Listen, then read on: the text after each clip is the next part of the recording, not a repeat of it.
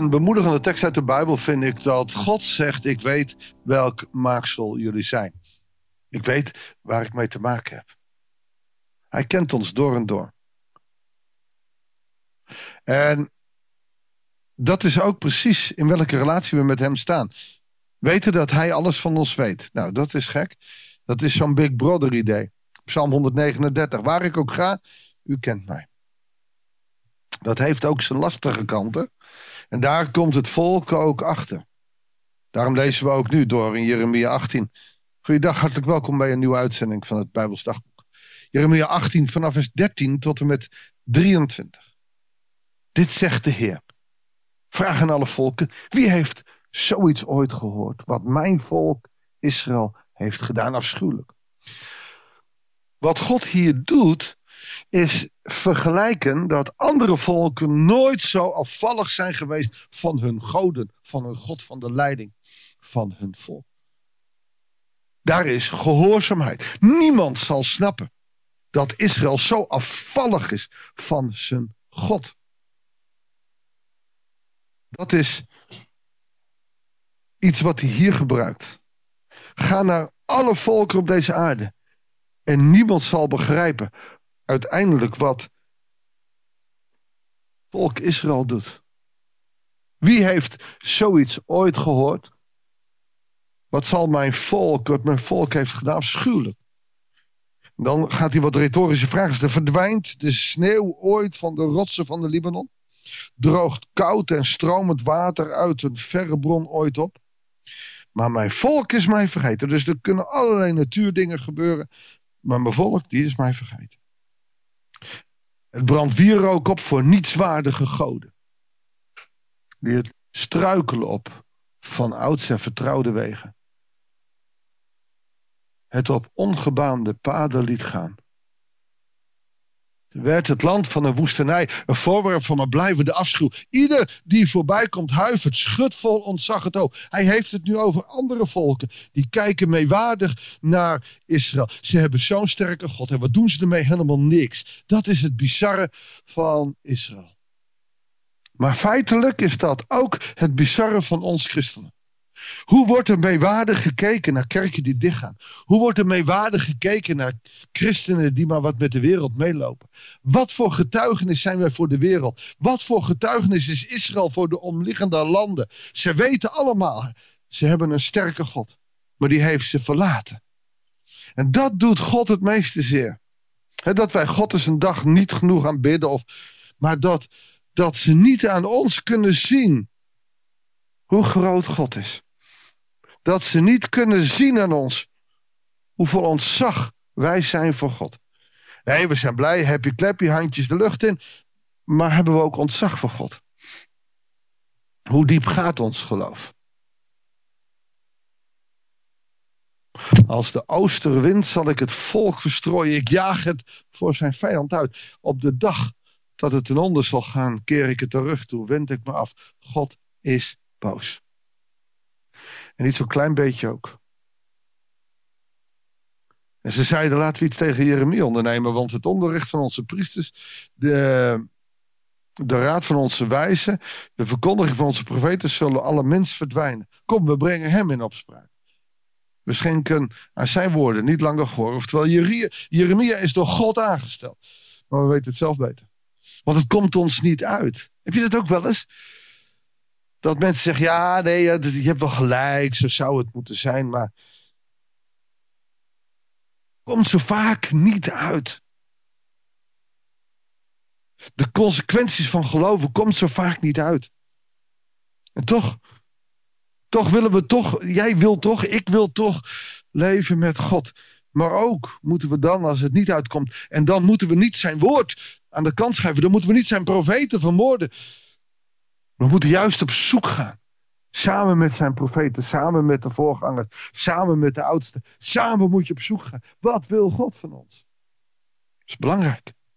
Het volk Israël zegt, nee, laten we iets tegen Jeremia ondernemen. Tegen het woord van God. Heer, luister naar mij, vers 19. Hoor de plannen van mijn tegenstanders. Het is Jeremia aan het woord. Mag goed met kwaad worden vergolden. Een kuil hebben ze voor mij gegraven. En dat terwijl ik voor u stond om voor hen te pleiten. Om uw toorn van hen af te wenden. Geef door om hun kinderen prijs aan de honger. Leven ze uit aan het zwaard. Beroof hun vrouwen van hun man en kinderen. Laat hun mannen sterven door de pest. Hun jongens vallen door de oorlog. Laat gejammer uit hun huizen klinken.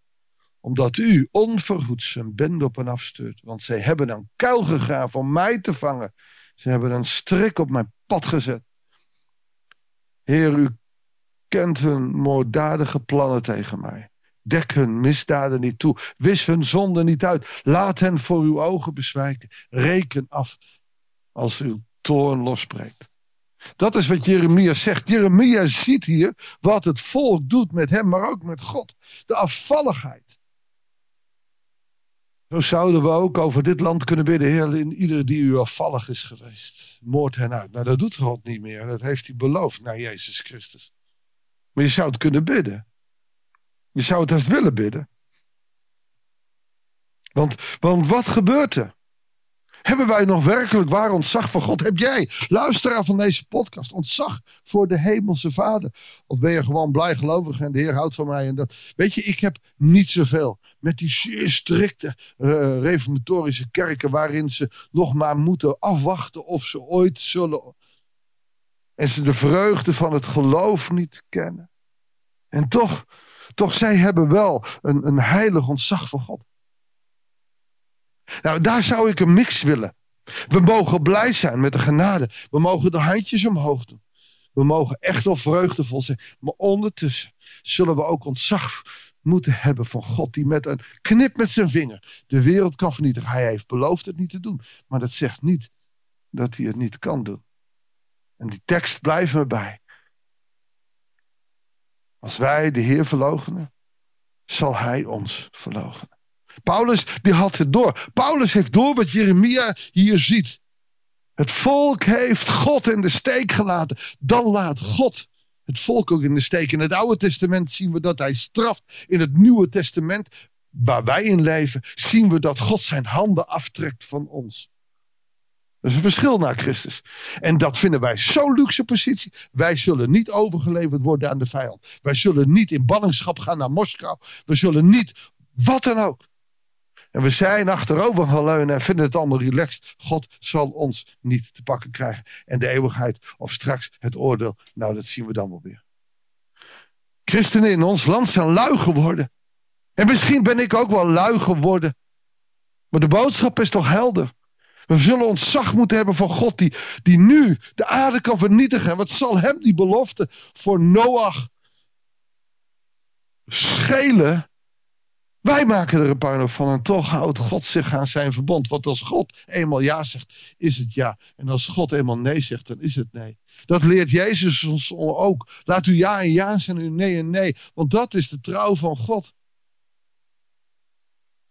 Dat is een ongelofelijke van, van het ontzag hebben voor God. Van het happy clappy en echt deemoedig zeggen, ik ben een zondaar. En dan hoef je niet in vast te blijven zitten. Je mag de vreugde van de genade wel kennen.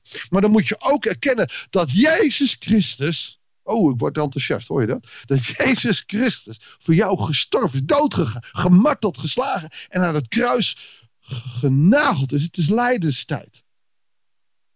Het is lijdenstijd, weet je dat? Weet je dat ik er haast nog niet mee bezig ben? Het is de eerste keer dat ik er zo nadrukkelijk bij bepaald word. En ik heb meteen de crucifix van de muur gehaald en ik leg hem naast mijn computer neer. Het is lijdenstijd. Wat betekent de dood van Jezus voor jou? Of hebben we zo oh, lekker al voorbij gaan? Is allemaal goed. Hebben we nog ontzag voor een Heer die zijn leven voor ons gegeven heeft? We zullen op onze knieën moeten. Zullen we dat maar doen? Heer, die ons ziet zoals we zijn. Dieper dan wij onszelf kennen. U ziet dat wij zo afgedwaald zijn en haast geen ontzag voor u hebben. Het is zo lang geleden dat Jezus aan het kruis ging. Wat zou het voor ons betekenen? Heere God, het betekent zoveel. Maar we erkennen het niet. Wilt u ons vergeven? En wilt u ons helpen om ontzag te krijgen voor u? Dat bid ik u. In de machtige naam van onze Heer Jezus Christus. Amen. Nou, poeh, ik werd er enthousiast van. Pittig onderwerp. Ik voel een preek aankomen. Ik voel een, een thema aankomen. Meer ontzag hebben voor God. En wat houdt dat dan in in je dagelijks leven? Ik daag je uit. Misschien komen we nog tot elkaar met, met antwoorden die we allemaal kunnen gebruiken. Ik wens je veel zegen. En heel graag tot de volgende uitzending van het Bijbelsdagboek.